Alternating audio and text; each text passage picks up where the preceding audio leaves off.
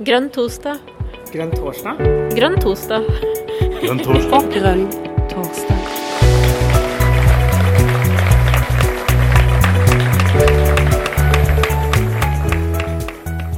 Velkommen til Grønn torsdag. I dag skal vi snakke om digitale rettigheter. Er du klar for det, Jonas? Det er jeg veldig klar for. Eh, tema som jeg syns er kjempeviktig. Eh, og litt bakgrunnen for at vi har lyst til å ta opp dette temaet, er jo fordi eh, ja, i hvert fall Jeg kan jo bare snakke for meg sjøl, men opplever at det er et tema som ikke debatteres i nærheten av så mye som eh, det burde bli debattert. Eh, I tillegg til at eh, partiet, det nye programutkastet, da, det, etter min oppfatning, det drar eh, partiet litt bort fra Kall det mer idealistiske retningen da, som det har vært tidligere. Og det er en del punkter som er, som er ute av programmet, som har vært inne tidligere.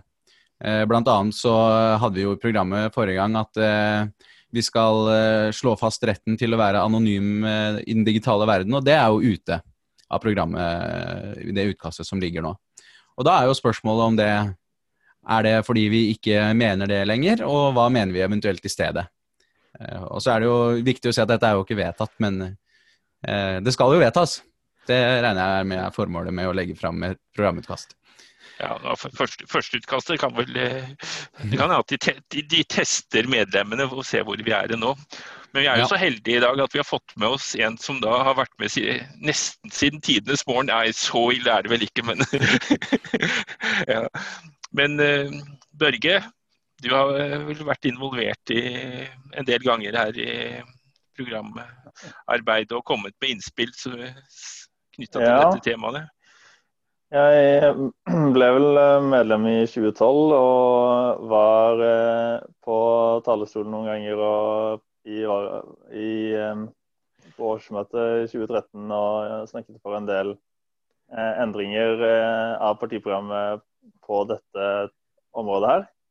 Og fikk gjennom en del ting som har vært med fram til i dag. Og fremdeles er en del av det jeg spilte inn den gangen med videre i utkastet nå. Eh, men eh, ja, som ble nevnt, så er jo noe falt ut. Eh, men ja, jeg har vært ganske aktiv sammen med en håndfull andre på disse temaene. Og jeg er jo helt enig i det som ble sagt her om at det er et tema som ikke snakkes nok om. da. Jeg mener jo at det er, det er få ting som kan endre samfunnet totalt, eh, eller bestemme på en måte rammene. Det er Politikk er jo å utforme rammene som folk lever livene sine innenfor.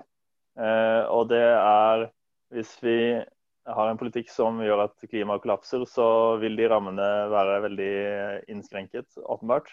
Eh, men det samme er jo også med digital politikk. Da, at der er potensialet for å innskrenke de rammene vi kan leve livene våre innenfor, helt enorme.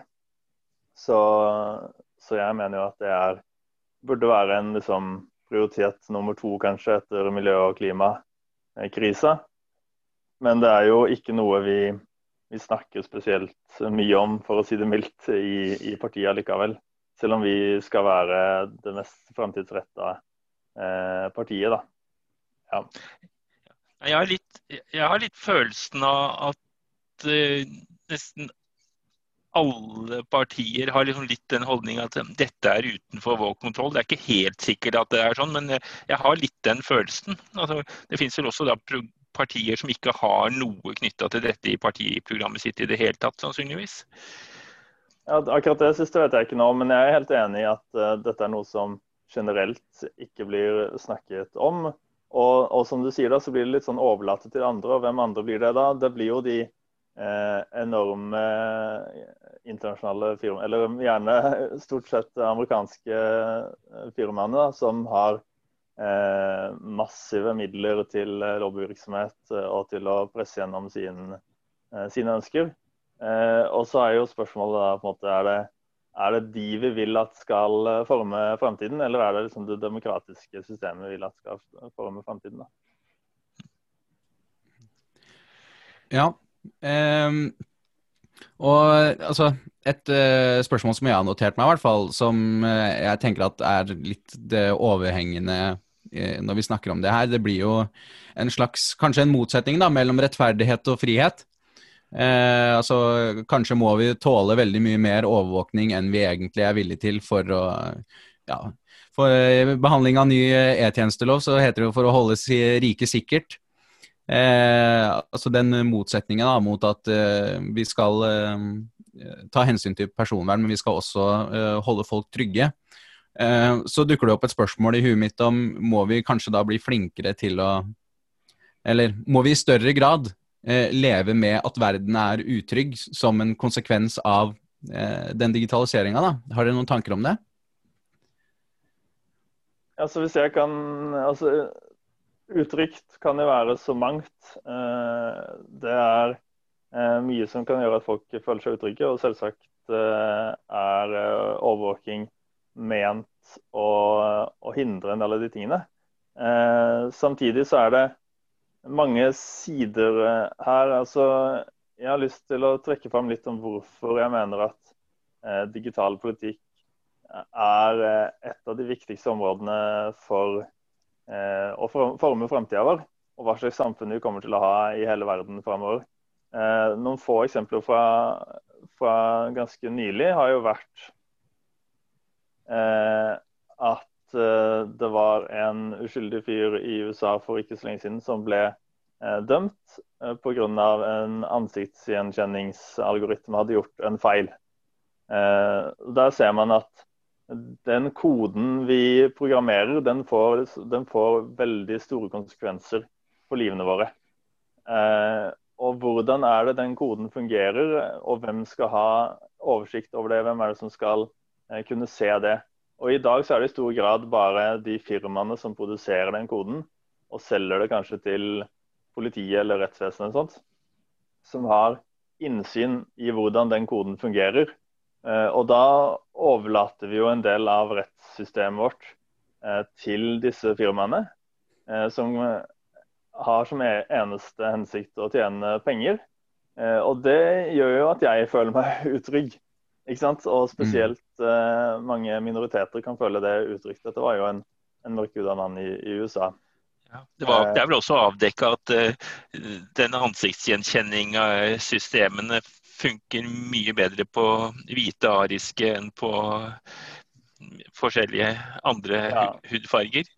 Det kan du si, det, men det er jo ikke det jeg føler er mest Jeg føler jo det verste med dette er jo at uh, det, det, Når det funker, så tenker jeg det er veldig skummelt. For da eh, kan du få opp all informasjon om alle mennesker eh, rundt deg på veldig kort tid, hvis eh, alle kameraer Eh, overalt har ansiktsgjenkjenning og kan koble det f.eks. opp mot det som ligger om deg på Facebook og i politiets database og sånn, um, så er det uh, en, Det er mange potensiale måter å bruke det på som jeg frykter.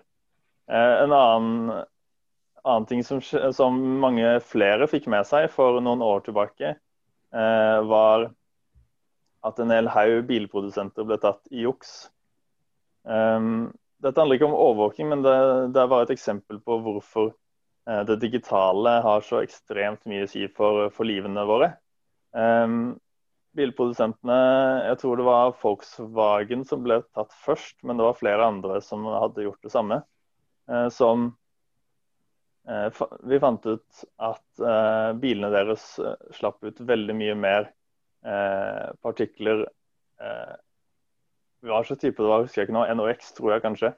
Um, ja, er dieselbiler som enn det de hadde lov til ut fra lovene som var innført i disse forskjellige landene.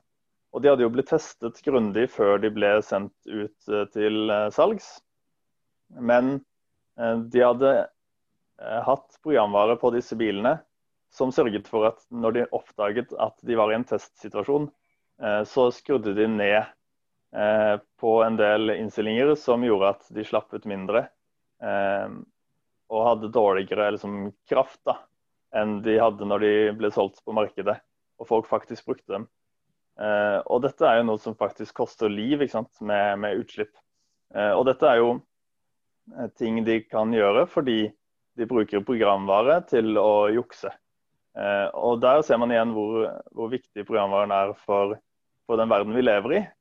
Og Hvis vi da f.eks. hadde hatt regler som sier at all programvare som styrer disse bilene, eller styrer ting som kan skade mennesker, da, må være synlig eh, tilgjengelig for befolkningen og for myndighetene til å undersøke, så kunne jo disse mekanismene de brukte for å jukse, blitt avslørt.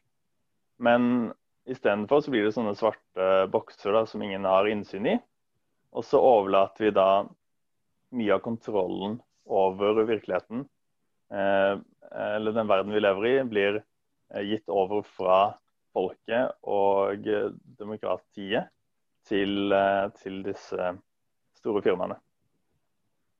Eh, andre eksempler er jo eh, Facebook eh, er jo kjent for å gjøre ting som gjør folk sinte og opprørte stadig vekk. og så blir Og så går det litt tid, og så roer folk seg ned, og så fortsetter du å bruke Facebook like mye som før. Fordi de har liksom ikke noe alternativ.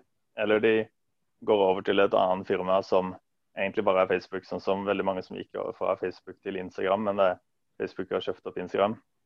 Og når eh, de har kontroll på den plattformen vi bruker til å snakke sammen, så er det også de som kontrollerer hva vi kan snakke om. Eh, så dette har jo skjedd veldig mange ganger. Det synlige eksempel, mest kjente eksempelet i Norge var jo eh, det bildet av jenta fra Hiroshima eller Nagasaki som ble slettet. Men mye mer alvorlige ting har skjedd, sånn som eh, kurdere som vil eh, snakke om deres kamp for rettigheter mot det tyrkiske regimet, får sine innlegg slettet. Og, det viser at uh, det er det digitale nå fremover som kommer til å forme hva vi kan gjøre. Nå er det jo, Dette er også kobla veldig hardt inn mot opphavsrett. Eh, dessverre, det er jo eh, et område hvor det er veldig lett å ha sympati for eh, musikere og kunstnere og sånn. Eh, og derfor så blir det stadig strengere regler for eh, opphavsrett for å hindre piratkopiering. Noe man, eh, det er veldig lett å ha sympati for og forståelse for. Men det fører også til nye, nyeste regler nå fra EU på dette området.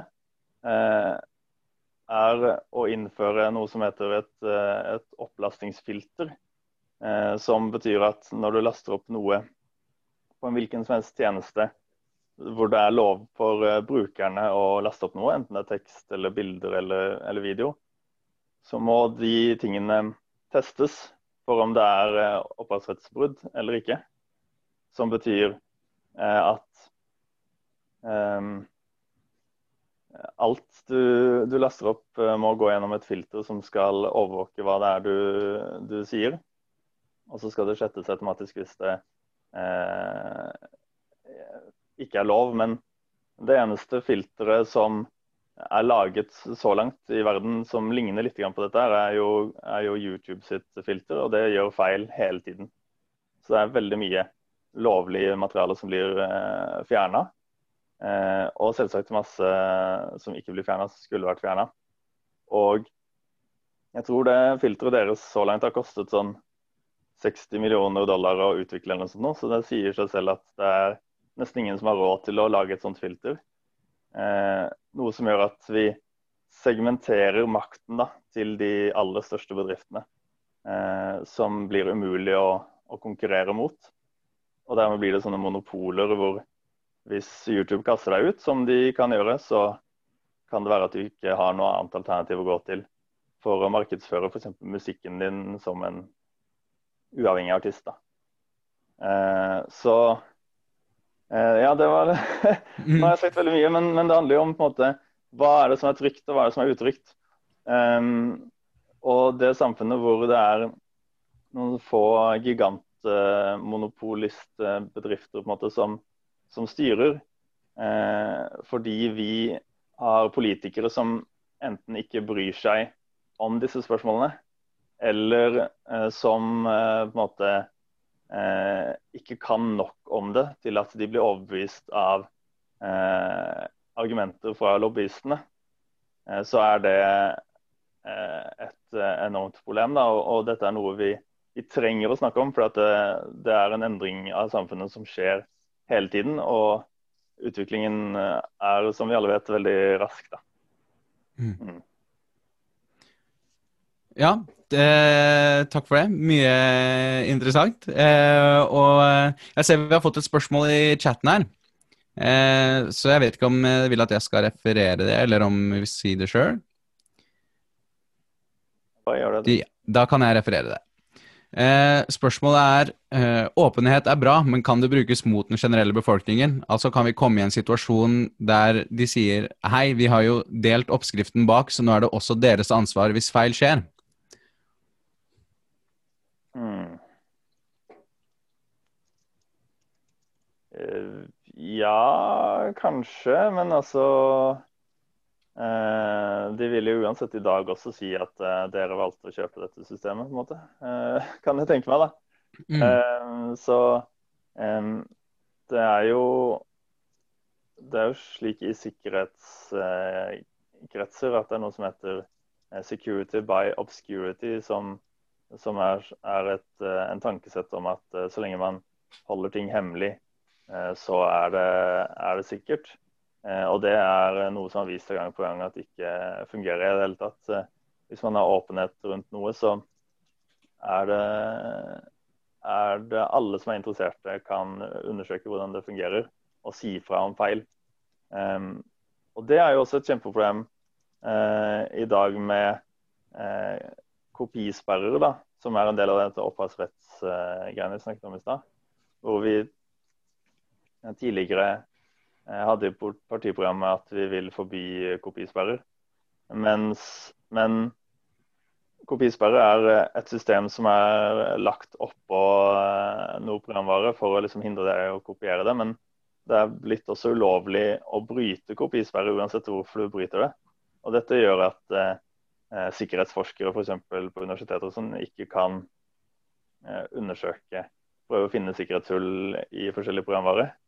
Eh, og blir eh, eh, kan bli saksøkt da, hvis de prøver å gjøre dette.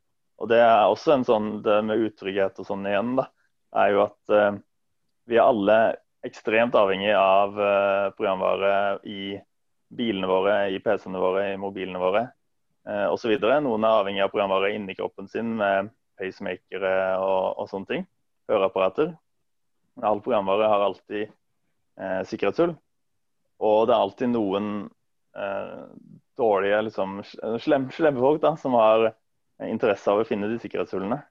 Hvis det bare er de slemme folka som leter etter de sikkerhetshullene for å utnytte dem, så sliter vi i resten av samfunnet veldig. da. Og de dårlige folka kan også være selvsagt eh, nasjoner som Eh, ønsker å påvirke meningene våre eller eh, ja, forskjellig sånn. Så eh, at vi har gjennomsiktighet, da, sånn at ikke bare de som har en, et dårlig insentiv for å utnytte disse sikkerhetshullene, kan finne dem og, og bruke dem. Mens det er jo et, at det er et problem i dag at vi har en del sikkerhetsmyndigheter rundt om i verden som leter etter sånne sikkerhetshull. Og så forteller de ikke bedriftene om de sikkerhetshullene de finner. De bare sitter på dem for å kunne utnytte dem som våpen uh, mot andre nasjoner. Og sånn. Og det var jo en ganske stor sak for noen få år siden med uh, noe som het ransomware.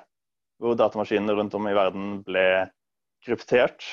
Og de krevde penger for å fjerne krypteringa. Dette skjedde bl.a. på ganske mange sykehus, som gjorde at de ble satt ut av spill når de skulle hjelpe pasienter. Eh, og det viser seg at um, noen av de sikkerhetshullene som var blitt brukt for å utvikle uh, denne ransomwaren, var noe som uh, amerikanske sikkerhetsmyndigheter hadde oppdaget og visste om. Men istedenfor å gi beskjed til Microsoft uh, sånn at de kunne fikse det hullet, så det ikke kunne utnyttes, så bare satt de på den informasjonen selv for å kunne bruke det mot sine fiender. da. Så der var det jo masse sykehus som fikk store problemer. og Det gikk selvsagt eh, utover folks liv. da. Så igjen så viser det med åpenhet hvor, hvor viktig det er. Eh, og det er jo noe som jeg syns er eh, litt problematisk med, med partiprogrammet både før og nå, er at vi er ikke Vi viser ikke tydelig nok da, hvor viktig dette er. Vi har noen veldig gode punkter. Eh, jeg syns absolutt vi har en del veldig bra punkter, men det er i stor grad ganske vagt. Eh, og ikke Det har ikke den samme liksom, kraften, det samme um, som konkrete datoer liksom, og sånne ting som vi har på mye av miljø- og klimapolitikken vår. Vi ville ikke sagt i programmet at vi skal kutte en del utslipp ganske fort, liksom. Vi, vi har mange flere punkter og mye mer detaljert, mens på disse temaene her så har vi Ja. Er det ikke på den måten. Ja, man skal, skal, jo kanskje være litt forsiktig med å spekulere i på en måte hvorfor, hvorfor men altså har vi har vi på en måte gitt opp, da? Er det Altså, blir vi motløse av eh, å kjempe mot teknologigigantene? Og da tenker jeg også litt på det du nevnte innledningsvis her om eh, det jukset med dieselmotorer i bilfabrikker. Da. Altså, eh, hvordan klarer vi altså, hvordan klarer vi å lage konkret politikk da, som takler den type utfordringer? Og et annet spørsmål eh, blir jo eh, er det en, på en måte noe Norge kan eh, gjøre alene? Hvilke politiske verktøy har vi egentlig til å håndtere problematikken? da? Det, det er jo også et spørsmål. Um, ja. Det er jo ganske For det er jo, som også blir eh, understrekes av det du sier om, eh, eh, om sykehus og det som skjedde der, så er det jo eh, så ekstremt sterke insentiver hos eh, mange mektige og rike aktører, da. Eh, som gjør at er det, er det for, politisk for vanskelig å få til, eller tenker du at det er mulig? Og hva, hva skal vi eventuelt gjøre? da? Ja, jeg mener absolutt at det er mulig å stille strengere krav eh, til produkter som selges i Norge. Det er jo eh, ekstreme økonomiske interesser i alle produkter som selges, eh, selvsagt. Og vi, har, vi, stiller en del eh, strenge krav allikevel. Eh, og, for, og, det har jo vært motstand også eh, stadig vekk. sånne F.eks. da bilen da først kom, så var det jo ikke noen sikkerhets krav eh, på dem, men så kom det sakte, men sikkert krav om bilbelte osv. Og, så videre, og, og da strittet jo industrien imot eh, kraftig og, og lobbyerte mot, men det ble gjennomført allikevel. Og På samme måte tenker jeg at, eh, at vi må tenke på eh, dette området også. Vi trenger å stille eh, krav som sørger for at, eh, at innbyggerne er trygge. Da. Og det, og dessverre, innenfor dette temaet så pleier det å bety vi må ha mer overvåking for å hindre terrorisme, liksom. Men det er så veldig mange flere sider ved den saken, da. Eh, et veldig, et veldig synlig eksempel på at det er mulig, eh, er for ja, Nå husker ikke jeg lenger når det var, men da Apple begynte å selge musikk gjennom sin iTunes eh, Music Store, så hadde de krav på eh, musikken at den skulle være kopisperrer på all DRM på alle musikkfilene de solgte der. Eh, og det det gjorde de jo, ikke sant. Den eh, offisielle begrunnelsen for dette er å hindre folk i å piratkopiere musikk, sånn at artistene skal tjene mer penger.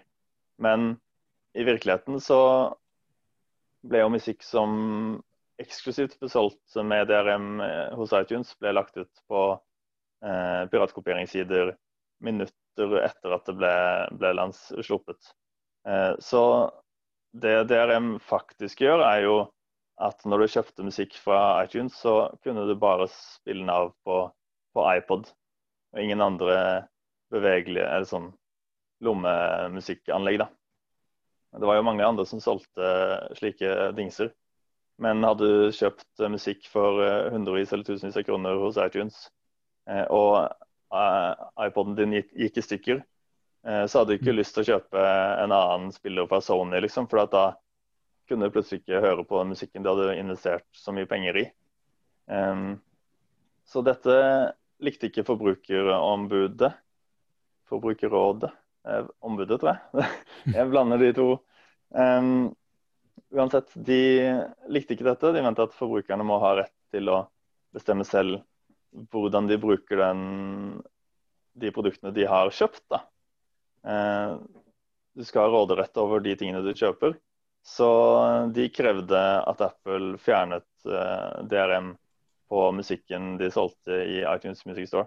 Og jeg mener også at de fikk med seg noen andre tilsvarende myndigheter i andre land. Eh, dette er jeg ikke helt sikker på, men det som i hvert fall endte opp med, var jo at, at Apple fjernet DRM på all musikk som de solgte eh, gjennom iTunes i alle land. Eh, og det er jo ikke sånn at folk sluttet å kjøpe musikk av den grunn. Eh, musikkmarkedet trives jo godt eh, og ble ikke Ja, det var ikke noen hindring der. Og mm. sånn er det også nå med, med Amazon eh, sine bøker som selges med kopisperre. Og Sånn at du derfor bare kan lese på Kindle. Um, men det finnes andre uh, lesebrett. Men hvis du kjøper uh, et av de, så kan du ikke bruke de bøkene, lese de bøkene du har kjøpt hos Amazon.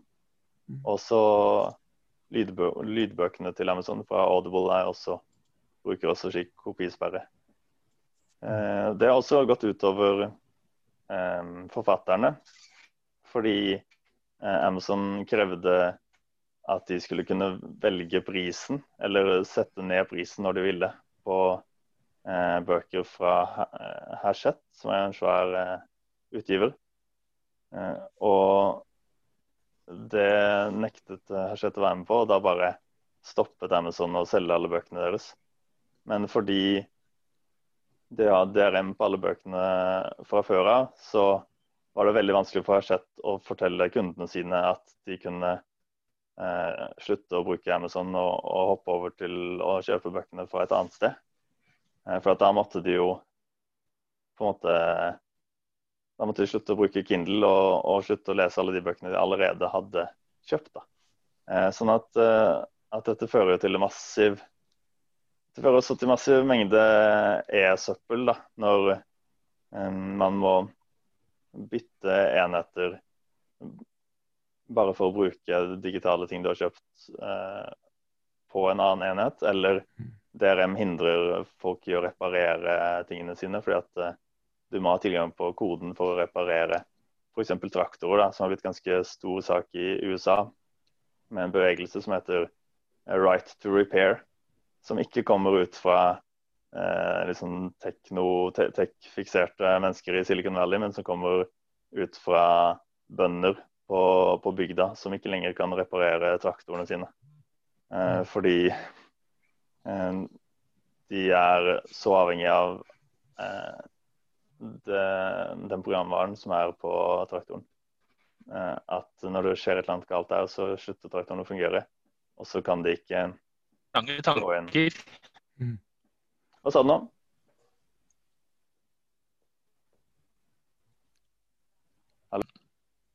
Og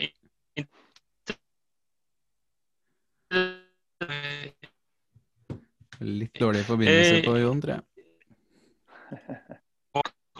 rådmann råd at de kan snakke? Eller? Det hører meg ikke? Jo, nå er det bra. Nå er det greit. Du har veldig sammen, nå er det bra. Til. Hm. Ja. Sånn, jeg bor på bygda, og der er det dårlig internett. eh,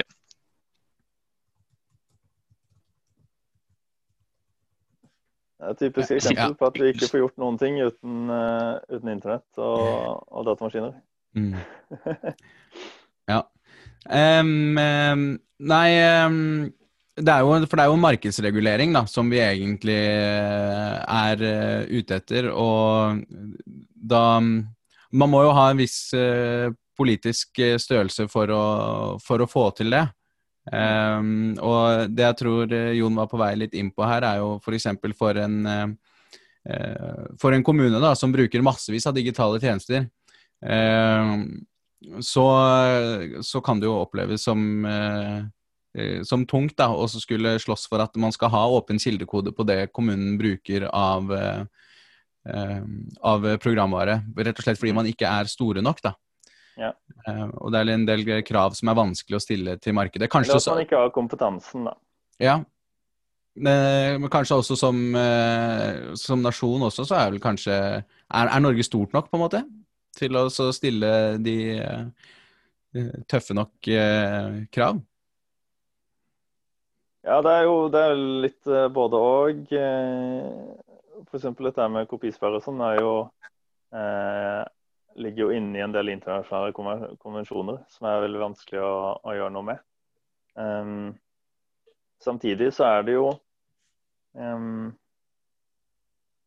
Det er jo mye som skjer på dette området også. Um, F.eks. så uh, er det jo uh, nå under koronapandemien så har det jo vært mange som har utviklet forskjellige digitale løsninger for smittesporing. Og Da er det noen land som har gjort det åpent. Og samtidig har vi eh, i Norge brukt eh, jeg husker ikke hvor mange millioner eller milliarder det var, men det var i hvert fall veldig mye penger eh, på å utvikle vår egen. Og der er det klart, der kunne vi bare gått med på et samarbeid sammen med et annet land som uansett gjorde dette. Og og spytta inn liksom halvparten av de pengene som vi hadde tenkt å bruke på å utvikle vår egen, og sørget for at eh, det som ble utvikla i samarbeid, ble best mulig, da, f.eks. Um, ehm, men det er vanskelig, eh, og i hvert fall også når det kommer en del krav sånn fra toppen, f.eks. nå nye digitale helsesystemet som, eh, som staten jobber med. Um, Akson som skal samles som uh, helsejournaler i ett system. Uh, der er det jo uh, også snakk om å bruke eh, milliarder. Og eh, da er det sikkert vanskelig for kommuner å skulle komme seg ut av det. Men Oslo kommune mener jeg har sagt at de ikke ønsker å være med på det samarbeidet. Bl.a. fordi det er, er lukka, da, hvis jeg husker eh, riktig. Eh, og der er det jo sånn En annen problem med, med lukket programvare er jo at man blir låst da, til den produsenten som har laget det. Så hvis vi skal bruke milliarder nå på å kjøpe dette Axon-systemet fra en produsent, så er det den ene produsenten som har eh, kontrollen over det systemet og kan videreutvikle det eh, eller fikse ting med det. Mens hvis vi hadde utviklet det som fri programvare, så kunne vi gått ut på det frie markedet og hatt anbudsrunder på hvem som vil kode nye funksjonalitet eh, eller fikse feil osv. I det systemet. Det var det Er det lyd i meg nå? mm. Ja. Eh, det var det jeg ville inn på. Jeg snakka med rådmannen om den konkrete problemstillingen. Da. Hva skal til for at Løten kommune kunne begynne å bruke da, åpen programvare? Og da er det masse plugins i Office som da mm. ikke fins i, i, eh, i de gratisprogramvarene, eh, som gjør at det er kjempeproblematisk mm. eh, å, å endre system. Da. Du må ha, ha noen som kan programmere disse. og det kunne jo vært mulig hvis alle kommunene i Norge gikk sammen. Og, for det er jo mye av dette, disse kommunale systemene er jo eh, på tvers eh, i mange, mange kommuner. Da. Ja. Og den samme rådmann klager jo nå eh, også da på lisenskostnadene til Microsoft. Så, ja. så det er helt uh, reelle problemstillinger her. Som, uh, mm. Det er bare å tenke over f.eks. en tiårsperiode eller 20-årsperiode alle kommunene i hele landet. Eh, som alle sammen kjøper lisens til, eh, til Windows og til Office eh, osv. Og, sånn. Hvor mye penger det blir til sammen. da. Og Hvis man hadde mm. samla det i en pott og, ut, og tatt uh, de programmene som ligger der ute fra før av, med LibreOffice f.eks. Og så brukte de pengene på å videreutvikle det i den retningen vi hadde trengt. Så hadde jo vi frigjort oss fra å være avhengig av Microsoft. Frigjort oss fra å måtte betale lisens til dem eh, jevnlig. Uh, og ikke minst et punkt som jeg mener er veldig viktig, som heller ikke snakkes så mye om, er jo at det er masse, det er masse andre land og masse andre mennesker der ute som eh, ikke har råd til å kjøpe alle disse tingene, og som trenger gode systemer, de også. Eh, både folk med litt eh, råd her i Norge, men også massevis av, av, fattige land som har bedre ting å bruke pengene sine på enn lisenser til Microsoft. Som hvis vi hadde gått inn, da, og gjerne sammen med andre land også, med å utvikle disse programvarene, den frie programvare videre til å bli bedre så kunne også andre land plukket opp det og brukt det eh, gratis. Så, så, det er en, en større sånn solidaritetsgreie eh, på det økonomiske området her også, mener jeg, da. Um, mm. Og det var jo også eh, Nederland har jo spytta i penger, rett og slett, også bare i eh, i et samarbeidsprosjekt som allerede eksisterer, som Eh, heter Jeg husker ikke helt hva det heter nå, men det er noe med sikkerhetssertifikater på internett, SSL GR. Det var et kjempesikkerhetshull som gikk utover eh, det meste av internett her for noen år siden. Heartbleed eller noe sånt. Eh, og, og, det var fordi at eh, de fleste bruker et sånt system som utvikles av én eh, eller to stykker på fritida, på en måte. Eh, og der eh, gikk da Nederland inn og sa nei, søren, alle er avhengig av dette her, så vi gir penger til å, å videreutvikle dette. Og selv, heter det. Um, så det er også en måte det går an å, å sørge for um, internasjonal solidaritet, solidaritet på, på, det digitale området. Ja, spennende. Jon André eh, er også med. Han eh, vil gjerne si noe, kommentere litt knytta til kunstig intelligens. Mm. Kommer du med, Jon André? Ja. Takk, Jon. Um, Børge var jo inne på dette her i starten, snakka litt om uh, hvordan uh, f.eks. newsfeeden uh, på Facebook styres av uh, algoritmer. Og uh, YouTube-spillelista uh, styres også av algoritmer. Mm. Og uh, våre meninger om ting, det påvirkes jo veldig av hva vi får opp i newsfeeden vår og på YouTube. Mm. Og det er jo én ting. Og så er det også det med at du jeg sjøl har jo opplevd å blitt utestengt fra en uh, nettside ganske nylig. Uh, jeg vil anta pga. en uh, algoritme. Og da når jeg kontakter kundeservice for å spørre hvorfor, så sier de bare at ja, det er brudd på retningslinjene. Men de kan ikke si hvilken retningslinje. For det er jo sikkert fordi algoritmen har sagt det. Mm. Og jeg får jo ikke innsyn i den. Så det er jo kanskje ikke mest alvorlig å bli utestengt fra nettside. Men uh, nå lever vi jo mer og mer på nettet, og det kan uh, i enkelte tilfeller være ganske alvorlig å bli utestengt fra nettsider også. Um, så også da et annet eksempel som ligger kanskje litt mer fram i tid, da, men eh, når det kommer selvkjørende biler, så vil det jo være algoritmer Eh, kunstig intelligens som avgjør eh, hvordan hvilke valg den eh, bilen skal ta. Og sånn etter sånn setter det på spissen, da, så kan det jo det være en kunstig intelligens som avgjør om en bil skal kjøre ned en gjeng med skoleunger, eller kjøre inn i en mur og drepe føreren, vil da, eh, denne algoritma være programmert Eh, for å beskytte føreren, først og fremst, eller for å ta det som det eh, som gjør minst skade for samfunnet som helhet. Så sånne eksempler det viser jo at det er et veldig, veldig stor demokratisk dilemma eh, med manglende, først og fremst manglende innsyn og demokratisk kontroll. Så jeg syns jo på en måte at det er litt rart at MDG ikke har noe om kunstig intelligens i programmet. Iallfall ikke som jeg kan finne. Så jeg vet ikke om Ja, det nevnes- dette, Børger. Det nevnes to ganger i det nye utkastet.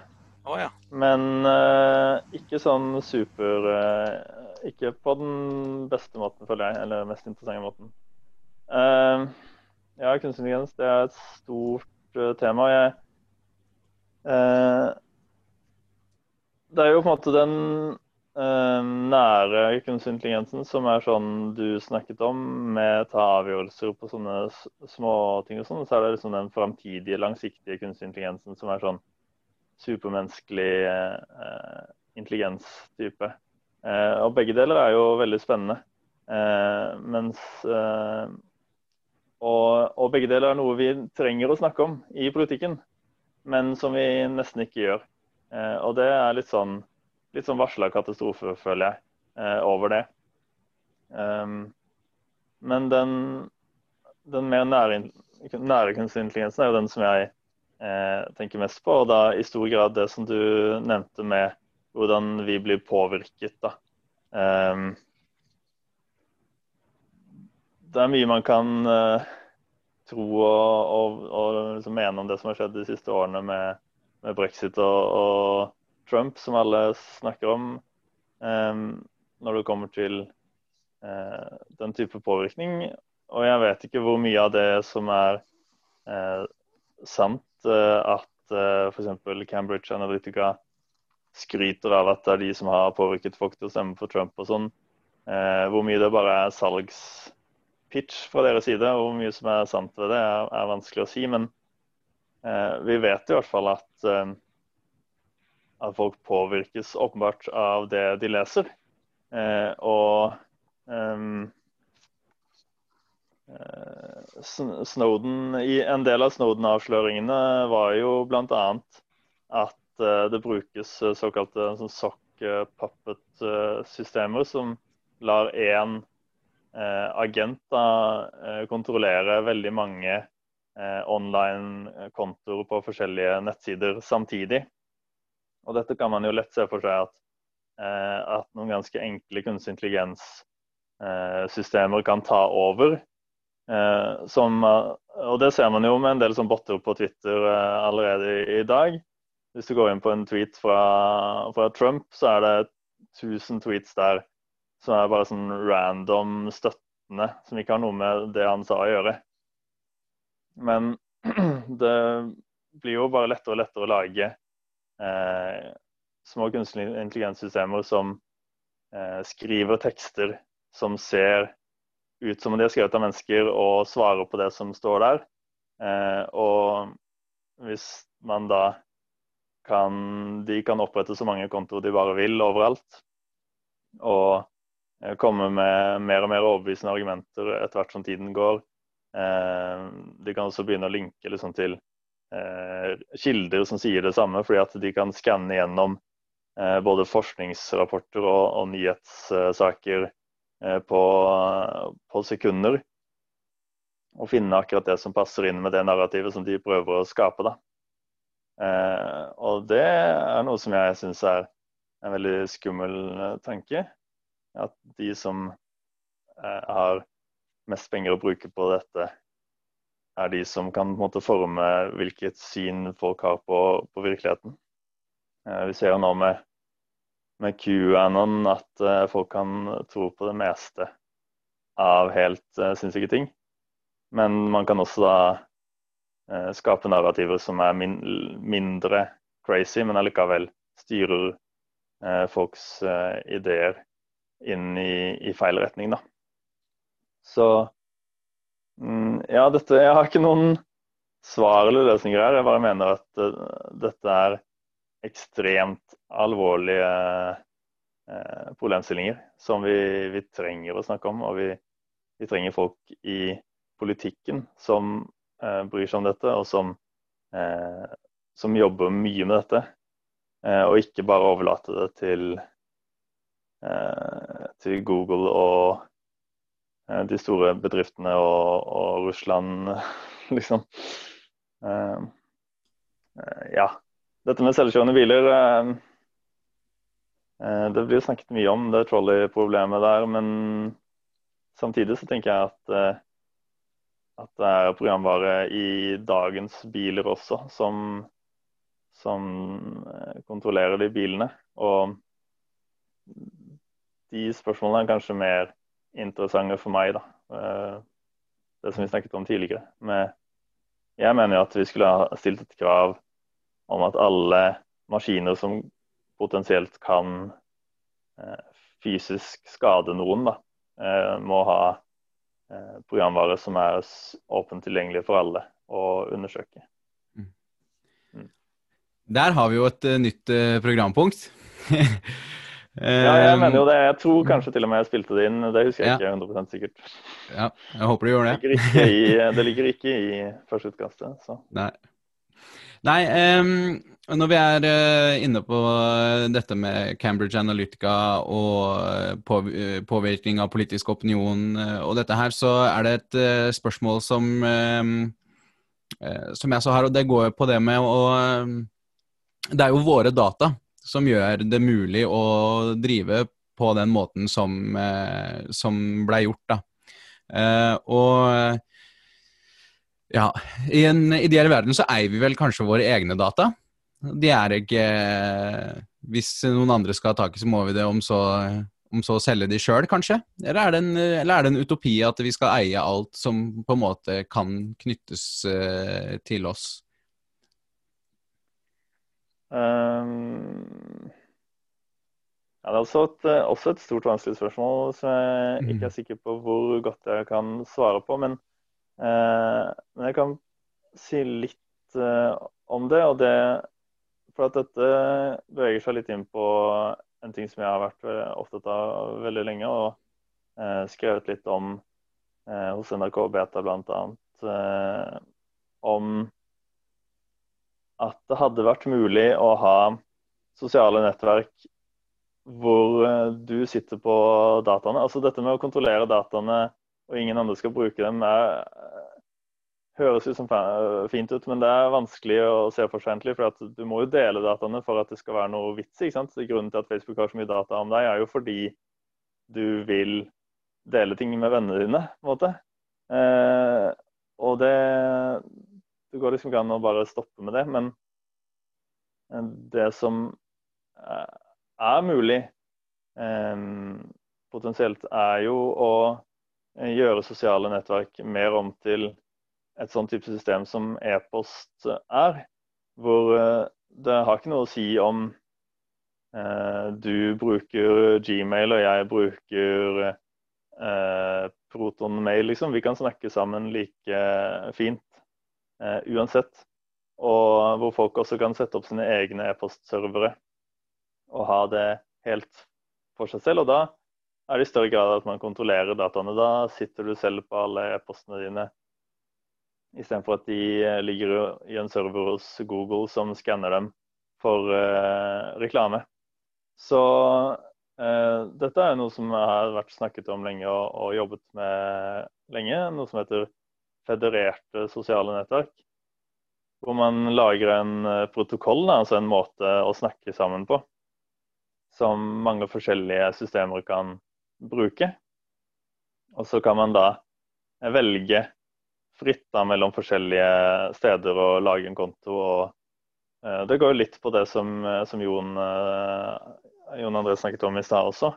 Om at hvis du da blir hvis du blir kastet ut av Facebook i dag, da så er det ingen måte for deg å kommunisere med de som følger deg på Facebook. Mens hvis du Eh, hvis det hadde vært et federert eh, system, så kunne du potensielt ha opprettet en ny Eller så, så, kunne du vært den som kontrollerte, istedenfor at du bruker Facebook som noen andre kontrollerer, så kunne du hatt en liten server hjemme hos deg eh, som du har ditt eget lille sosiale nettverk eh, på. Som ingen andre har en konto på den. Det er bare du som har en konto på den, men andre kan følge din konto fra andre steder likevel. da. Eh, på samme måte som man kan sende en e-post til deg hvis du har en liten e-postserver med eh, mail eh, at etternavnet ditt.no, liksom. Um, og så, så det er folk som jobber med dette, og det finnes uh, f.eks. en Instagram-lignende sak som bruker dette. Det finnes en Twitter-lignende sak som bruker dette. den er kanskje den mest kjente, heter Mastodon, uh, osv. Så sånn. Mm. For ja, det kan være potensielt veldig alvorlig å bli kasta ut av et slikt nettverk. Og, og, som ble sagt i stad, så har man ikke noen måte å Ofte så er de eh, ingen måte å, å, klage på det. Jeg f.eks. nylig opplevde det en konto jeg opprettet på Twitter ble suspendert. Og jeg fikk også bare beskjed om at jeg hadde brutt noen retningslinjer, men det, det står jo ikke hva.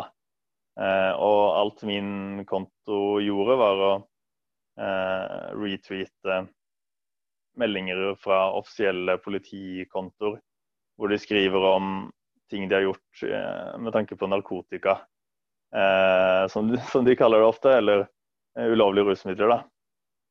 Eh, og hvorfor dette skal være ulovlig på Twitter, syns jeg er veldig merkelig. Men når de da har kastet meg ut, så er det ikke noe jeg kan gjøre med det. Eh, Ja.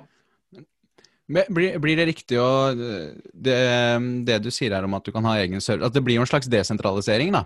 Ja, det er nettopp det der. Ja. Mm, eh, hvor, eh, fordi det er jo eh, det tenker jeg i hvert fall. Dette hovedproblemet at vi samler eh, alle dataene våre hos noen få store selskaper. gjør at det er jo et ehm, Det er jo veldig sårbart. Veldig. Ehm. Både med tanke på de, hvordan de utnytter det, og med tanke på hvordan de eh, må eh, De må gjøre som myndighetene sier, da. Så mm. hvis eh, amerikanske myndigheter vil vite et eller annet om deg, så kan de bare gå til, eh, til Facebook og, og kreve å få det utlevert. Eh, og de har jo også måter å gjøre det på som gjør at eh, de som får slike krav mot seg, ikke kan snakke om, ikke kan fortelle noen at de har fått det kravet. Mm. Eh, og, og, selvsagt, det blir jo enkeltstående punkter som er eh, interessante for hackere eller angripere å, å gå til. Mm. Mm.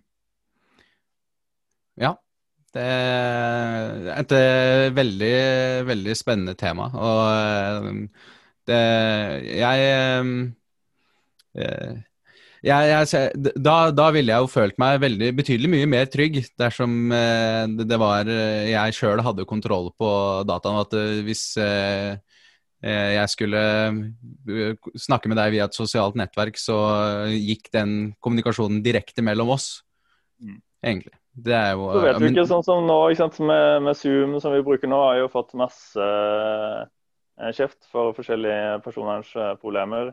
Og at de ikke krypterer eh, eh samtalene f.eks. og sånn. Eh, og det er jo Hadde man hatt mer kontroll selv, kunne man jo valgt i lettere grad systemer som gjør det. Eh, hvis det var en protokoll for videochat som her, da, sånn at eh, ikke alle måtte bruke Zoom for å snakke med Zoom, men man kunne brukt eh, noe annet. Um, og det som er nå, når alle bruker uh, Microsoft uh, Teams eller Zoom, eller noe, så vet ikke vi hva de bruker de dataene til. Det er jo sannsynlig at de bruker stemmene våre nå til å utvikle bedre stemmegjenkjenningsalgoritmer, og ansiktene våre til å, som vi filmer nå, til å utvikle bedre ansiktsgjenkjenningsalgoritmer. Eh, som de så igjen selger til myndigheter eh, til å ha i kameraer på hvert gatehjørne. på en måte. Eh, det har jo også vært mange eksempler på eh, bedrifter som f.eks. utvikler sånn systemer som foreldre har på PC-ene for å sikre at barna ikke liksom går inn på feil nettsider. Og så Eh, de samme bedriftene selger da den type systemer til eh, undertrykkende regimer eh, og diktatorer liksom i andre land, sånn at de kan bruke det mot befolkningen sin. Og Det kan man jo lett se for seg også at det med ansiktsgjenkjenning og, stemmegjenkjenning og sånn også vil lett kunne brukes til. Og det er det som er den store liksom, frykten for meg her, er at eh, med de riktige digitale verktøyene da, så eh, blir det så godt som fysisk umulig å, å gjøre motstand da, mot eh, et regime som man ikke skulle kunne like. Eh, eller det blir umulig å nå ut med, med, informasjon man mener er viktig. Kan det bli eh, i en framtid hvor eh, Eller i et land i dag, for den saks skyld, hvor eh, f.eks. Kina, hvor de stenger ned og har veldig sterk kontroll på hvilke chat-apper du kan bruke osv. Og, sånn. eh, og da, hvor hadde MDG vært i dag hvis ikke vi kunne bruke internett sant, til å nå ut med vårt budskap til mennesker? Eh, og det er en sånn framtid jeg frykter, da, hvor myndighetene bestemmer hvilke budskap som man kan nå ut med, hvem man kan assosieres med osv. Eh, og, og, jeg tenker at eh, det fort kan bli sånn at hvis det er eh, en Vi ser jo en stadig vekst i høyreekstreme partier i Europa. Og hvis noen sånne finner ut, får, får makta, da, og finner ut at de ikke vil ha noen kritiske røster i samfunnet, så er jeg redd for at de i dag eller veldig snart har alle verktøyene de trenger for å sikre at det ikke blir noen kritiske røster der ute. Eh, nå går det mot slutten her, eh, Børge, men eh, vi har jo da en frist 14.9. Og det er ikke for seint å jobbe med noe innspill i siste liten her. Er det noe du tenker at vi vi som eh, sitter her og skriver på ting, burde ha fokusert mer på knytta til disse temaene her? Uh, ja, det er jo mye, men jeg har jo heller ikke Jeg har hatt mitt å stri med i det siste, så jeg har heller ikke fått jobbet uh, nok med dette. Um, det som jeg ønsker å fokusere på fremover nå, er at, uh, at jeg vil at vi skal adoptere fem endringsforslag til opphavsrettsloven som våre grønne søsterpartier i EU-parlamentet har gått inn for. Og tre av de er, er av de punktene som har falt ut da, i, i førsteutkastet nå. Som jeg fikk inn sammen med Lars Jæver og noen andre inn i partiprogrammet i 2013. Det handler om forbi kopisperrer, eh, kutte ja, Dette er ikke så viktig for det vi har snakket om nå, egentlig, men redusere opphavsrettens vernetid. Det er mindre viktig av, eh, av, dis, av sikkerhetsmessige liksom, av de type ting som vi har snakket om nå, og mer viktig pga. bare tilgang på kultur. da. Men ja. Og, eh, og eh, tillate eh, legalisere ikke kommersiell deling eh, er det siste av de tre punktene. Og Der ser vi f.eks. nå at uh, Real Frp, som er ganske kjent og sånn artig sånn uh, kritiker av Frp sin politikk, fant ut at de skulle legge ned nå nylig fordi de fikk et krav mot seg på ganske mange tusen kroner for å ha brukt et bilde som de gjør uten å tjene noen penger. Og det er veldig mange sider ved det som jeg burde ha snakket mye mer om, men som vi ikke har tid til nå. Eh, ved denne krigen mot piratkopiering som har foregått. Det har ført til veldig mye problemer, inkludert det der med, med filter på alt som lastes opp, eh, som EU har vedtatt, som, som nevnt. Eh, og så er det et par andre punkter i, i det som de grønne grupp, den grønne gruppa i EU-parlamentet har gått inn for, for å endre opphavsrettsloven, som jeg ønsker at vi kunne adoptere hele den. Eh, og si at vi står eh, skulder ved skulder sammen med eh, våre grønne søsterpartier i EU da, for på eh, demokratiets og liksom, folk da, sin side. Eh, selv om storindustrien innenfor eh, innenfor musikk og, og opphavsrett er, er imot. da. Um, ja. Så det er en hoved, eh, det som jeg ønsker å fokusere på nå frem mot fristen nå.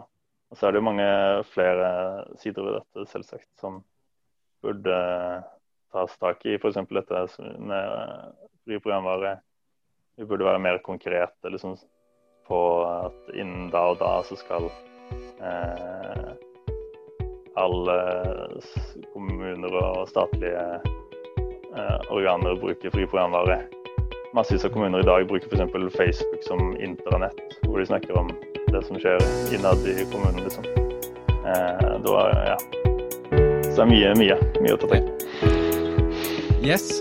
Eh, å stå på demokrati og folk side, det syns jeg var en fin eh, avrunding.